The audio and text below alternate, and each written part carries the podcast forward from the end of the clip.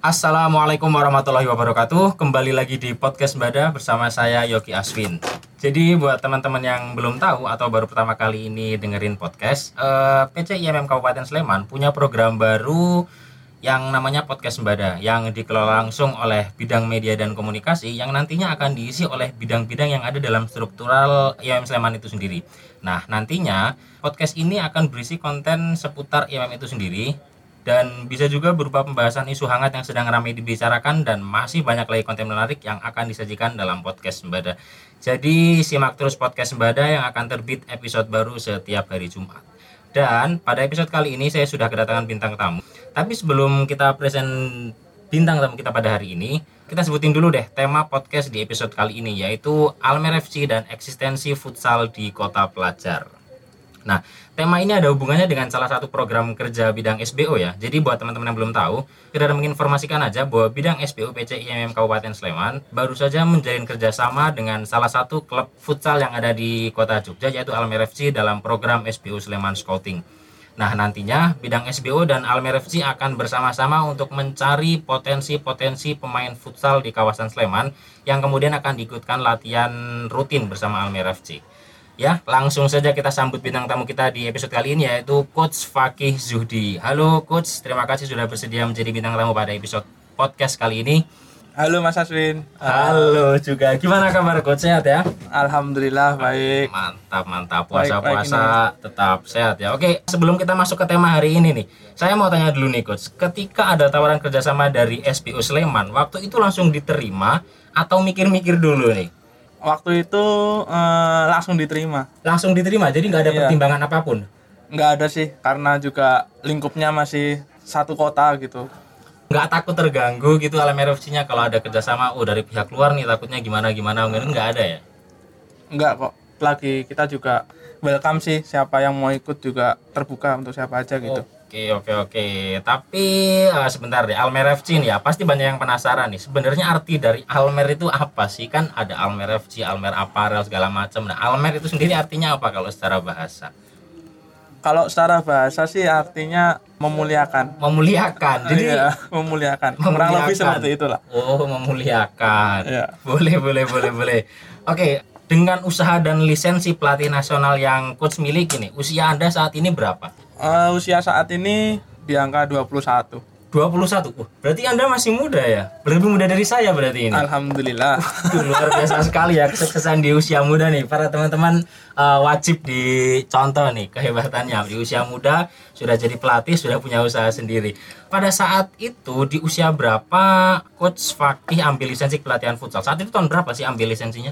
Saya ambil lisen- lisensi 2019 2019. Berarti Iya. itu di umur di umur ya 19 tahun, 19 atau 20 tahun gitu. 19 atau 20 tahun sudah Iya, ambil 19, lisensi iya. kepelatihan. 19 Berarti saat itu 20. emang banyak anak muda yang ambil kurs pelatih futsal ya? Atau saat itu emang Anda yang paling muda di antara calon pelatih yang lain? Eh, waktu itu saya termuda sih di waktu pelaksanaan itu saya termuda.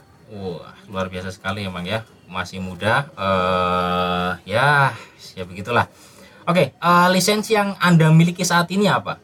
Level nasional. Level nasional. Level Iya. apa aja sih kalau boleh tahu yang ada dalam kepelatihan futsal itu? Mungkin pertama kali juga level nasional Ah. untuk Berarti berarti eh, itu masih yang paling dasar ya lisensi yang Anda miliki. Iya, itu kan untuk ambil lisensi nasional juga ada syarat-syaratnya. Oh, gitu? Minimal iyalah, ya pernah ngelatih dulu gitu. Jadi Pernah enggak ngelatih dulu. Iya, mungkin itu karena di pendaftaran kan juga ada riwayat kita ngelatih sebelum ambil lisensi itu ditanyakan sama pihak panitia. Oke, berarti emang syarat untuk ikut lisensi itu eh, harus sudah pernah melatih futsal gitu ya? Iya, Oke. Eh, pada saat itu berapa lama waktu yang dibutuhkan saat kursus kepelatihan itu? seminggu. Seminggu? full ya. Seminggu full ya itu. Dari pagi sampai sore itu full pelatihan. Oke. Oke, kita masuk sedikit ke Almer FC internal itu sendiri ya, coach ya. Almer FC ini berdiri sejak kapan sih sebenarnya? Kalau Almer Apparel sendiri kan di 2018. Almer Apparel 2018. Iya, Ya, mungkin ini kalau- disclaimer dulu teman-teman ya. Jadi Almer FC ini eh, besutan dari Almer Apparel. Nah, Almer Apparel itu adalah salah satu perusahaan yang bergerak di bidang apa, coach? di bidang konveksi lebih ke olahraga. Jersey. konveksi jersey ya lebih ke olahraga ya. Jadi Iya. Almer FC berdiri sejak tahun Katanya Almer Apparel 2019 ya, Iya. 2018 ya. 2018 Almer Apparel. Untuk Almer FC mungkin aktif di 2019-2020 antara itu. Oke, berarti setahun atau dua tahun setelah Almer Apparel didirikan ya. Iya. Oke, pada saat awal terbentuk nih ya, Almer FC memang sudah ada proyeksi untuk jadi klub profesional atau cuma sekedar buat fun football, fun futsal biasa? Eh, mungkin kalau mengarah ke profesional belum ada apa ya rencana yang pasti gitu. Karena banyak pertimbangan kayak biaya juga kan dibutuhkan sangat banyak gitu. Mungkin saat ini eh, lebih ke yang pertama masa-masa pembinaan anak-anak. Yang kedua juga ya buat merampingkan perfusalan di DIY Jawa Tengah ini. Oke, berarti emang eh, rencana untuk klub profesional kira-kira ada nggak sih?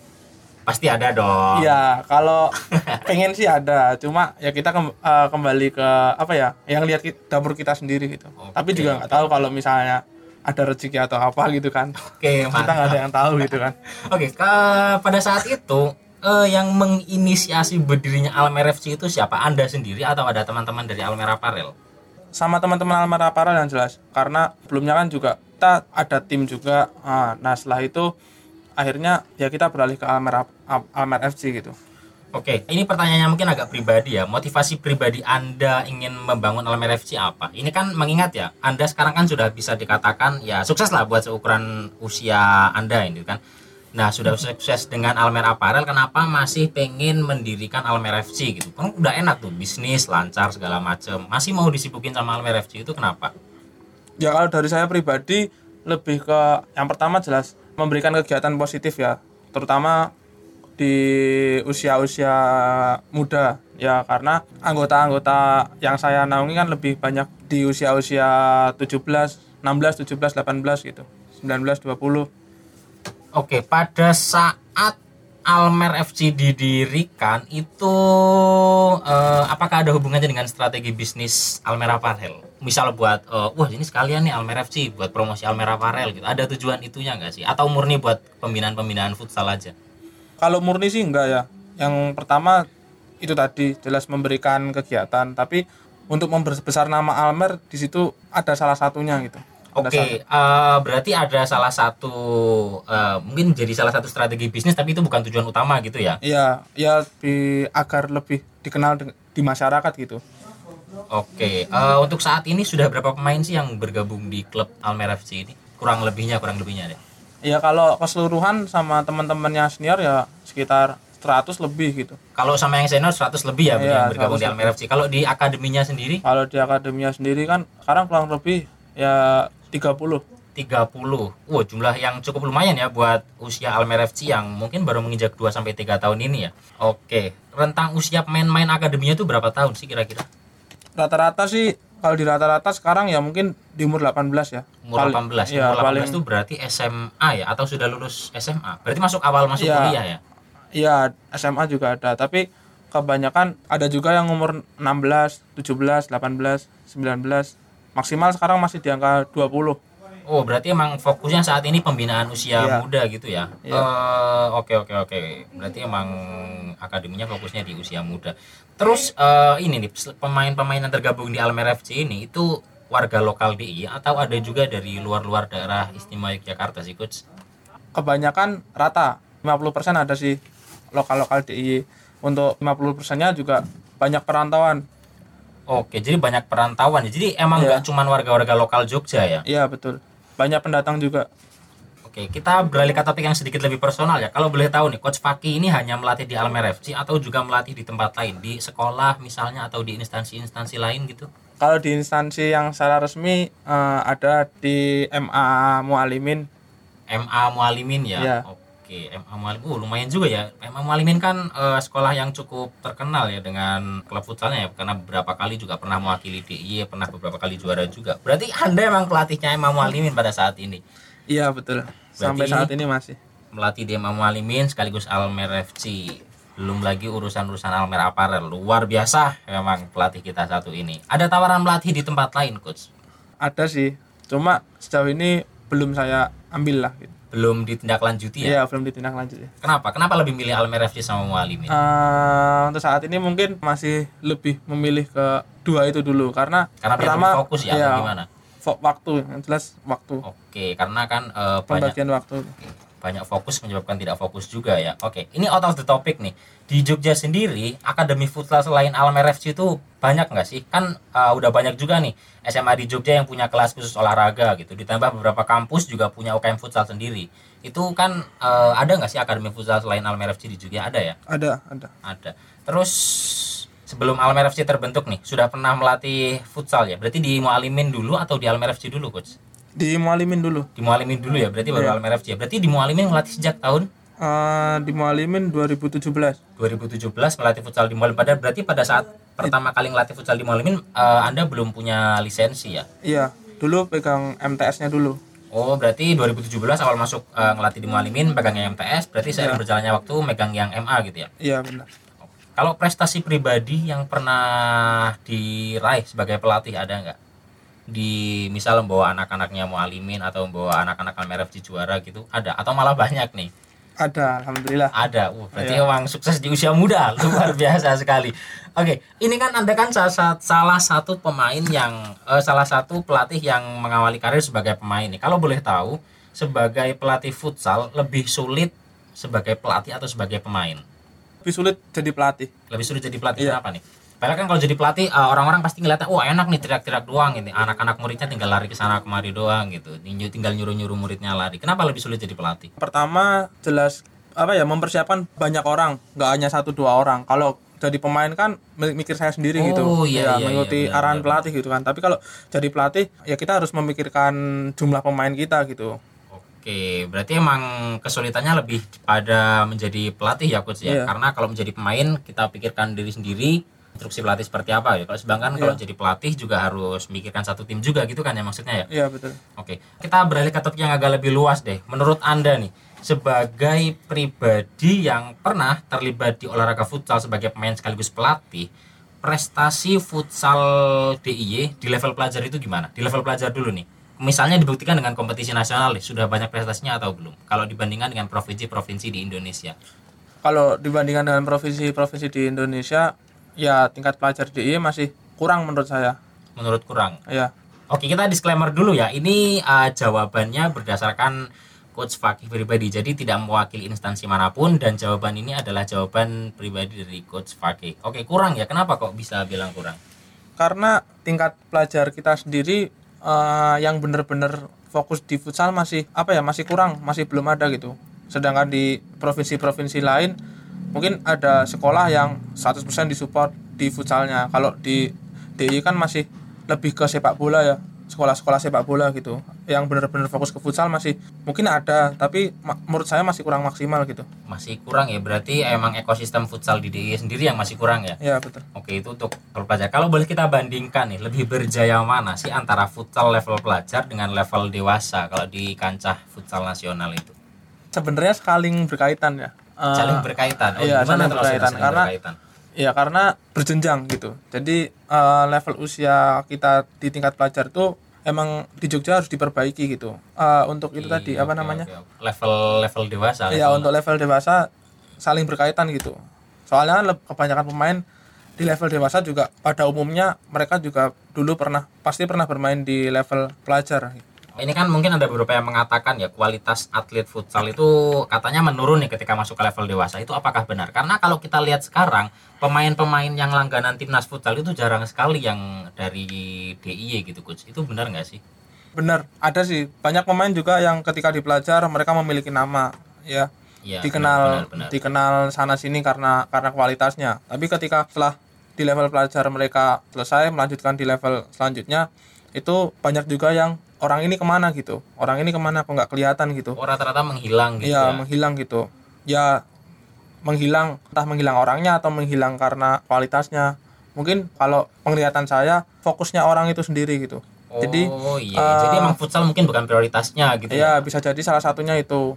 Jadi mungkin di level up- ya ketika kuliah banyaknya agenda atau apa gitu. Tapi Oh, iya, iya, juga betul, betul, betul, betul, betul. tapi ada juga pemain yang oh ini pemain kelihatan waktu ketika kuliah gitu.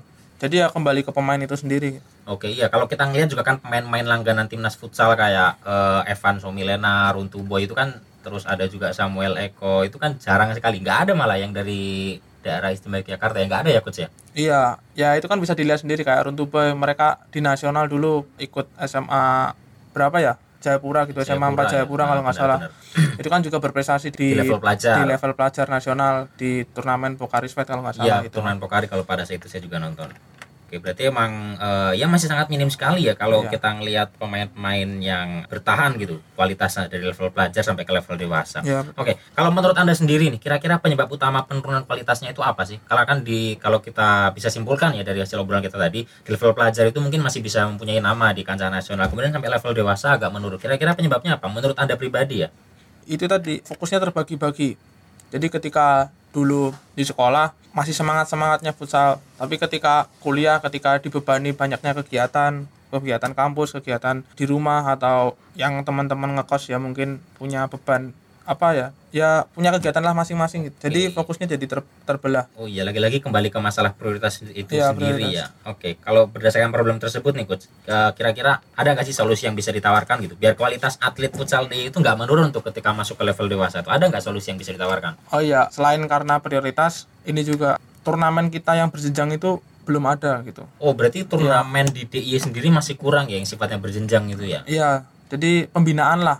Jadi ketika di usia pembinaan juga kebanyakan turnamen antar sekolah gitu. Antar sekolah, iya. ya, yang level usia kan cuman ya mungkin cuman ada satu kali gitu kan di setiap tahunnya. Oh, berarti masih jarang banget gitu ya? Iya, masih jarang banget. Jadi apalagi di kota DIY apa di provinsi DIY sendiri untuk perizinan perizinan Perizinan kompetisi. kompetisi kan sulit juga Iya, karena iya, betul, ya betul, betul. ya karena mungkin teman-teman tahu sendiri lah, iya. ya, ya buat teman-teman yang tahu ya seperti itulah Ya, kira-kira itu, rumitnya rumitnya membuat kompetisi resmi kalau futsal di Jogja. selama saya ngela- kemarin ngelatih di usia sekolah level SMP jelas masih banyak kompetisi ketika memasuki level SMA ya mungkin kompetisinya cuman itu-itu aja gitu Oke, oke. Mungkin karena jaminan keamanan juga yang ya menjadi itu salah satu pertimbangan ya, Coach, ya? pertimbangannya Oke. Kembali ke pembicaraan seputar Almer FC nih, Coach. Ada nggak sih pemain binaan Almer FC gitu yang dapat panggilan dari klub, klub pro futsal atau misal panggilan dari tim daerahnya masing-masing gitu? untuk klub pro futsal yang level senior belum sampai Belum saat ini ya? belum ada Sampai tapi kalau ada. untuk di level usia U19 yang di bawah naungan Almer FC di bawah naungan ini klub Liga Pro itu Iya. ada ada. ada Oh, oh. ada dua orang gitu yang kemarin ikut tim dari Manokwari itu Oh Iya. iya iya iya. Kalau panggilan Untuk- dari tim daerahnya masing-masing ada. ya untuk untuk daerahnya masing-masing alhamdulillah rata-rata mereka terpanggil lah Eh, level Porda atau level apa ya? level Porda Level Porda. ya Eh, kalau boleh lebih rinci, Porda mana sih? Ini kan baru-baru aja mungkin. Karena kemarin Iya. saya lihat juga di Almer FC itu ada beberapa pemain yang namanya masuk daftar panggilan Porda Bantul ya. Ya benar coach. ya Ada beberapa pemain kalau boleh disebutin. di Porda Bantul ada tiga di Sleman juga kemarin sampai saat ini yang masih masuk juga ada tiga orang juga Berarti total enam orang ya dari Iya. Almer FC sendiri ya. Kulon Progo juga satu orang gitu Wah, berarti lumayan juga ya di usia yang masih mungkin 2 sampai 3 tahun beberapa pemain dari Almer FC bahkan pemain mudanya juga ya. Ini sudah dipanggil oleh klub eh, sudah dipanggil oleh tim dari Iya, daerahnya masing-masing. Oke, ini mungkin bisa jadi salah satu solusi juga ya coach ya, pendirian akademi-akademi futsal di Jogja gitu buat membangun kembali ekosistem eh, futsal gitu. Oke, terakhir deh, ada nggak sih yang perlu disampaikan buat para atlet futsal nih, baik level pelajar maupun level dewasa gitu? Pesan mungkin atau sedikit motivasi atau kata-kata mutiara dari coach Fakih Budi sendiri gitu. Yang biasanya kan paling nih, kok pelatih-pelatih itu kan paling sering memberikan motivasi sebelum bertanding gitu kan. Ada nggak dari coach Fakih sendiri? Aduh, apa ini? Sebenarnya semua kembali ke pemain ya. Niat pemain tuh pasti ada. Ya mungkin kalau pesan saya ketika kamu punya keinginan untuk menjadi pemain profesional, paling utama kamu harus bisa jaga kondisi. Jaga kondisi itu yang Iya. paling utama ya. Ya, mungkin Iya, itu jaga jaga kondisi sebagai kondisi atlet ya. juga ribet juga ya, apalagi sekarang eh ya kondisi seperti ini iya, gitu kan. betul betul betul. Itu jelas jaga kondisi. Karena bagus apa pun kamu bisa bermain kalau misalnya kondisi kamu nggak siap, ya kamu nggak kamu nggak bisa nunjukin apa yang kamu punya gitu. Oke, luar biasa sekali itu mungkin salah satu kata-kata yang paling sering diucapkan ya coach ya ketika murid-muridnya sebelum bertanding ya atau ketika latihan. Oke, luar biasa sekali ya pembahasan kita pada episode kali ini. Terima kasih coach sudah bersedia menjadi bintang tamu podcast pada pada episode kali ini. Sukses selalu buat Almer FC dan Almer Apparel.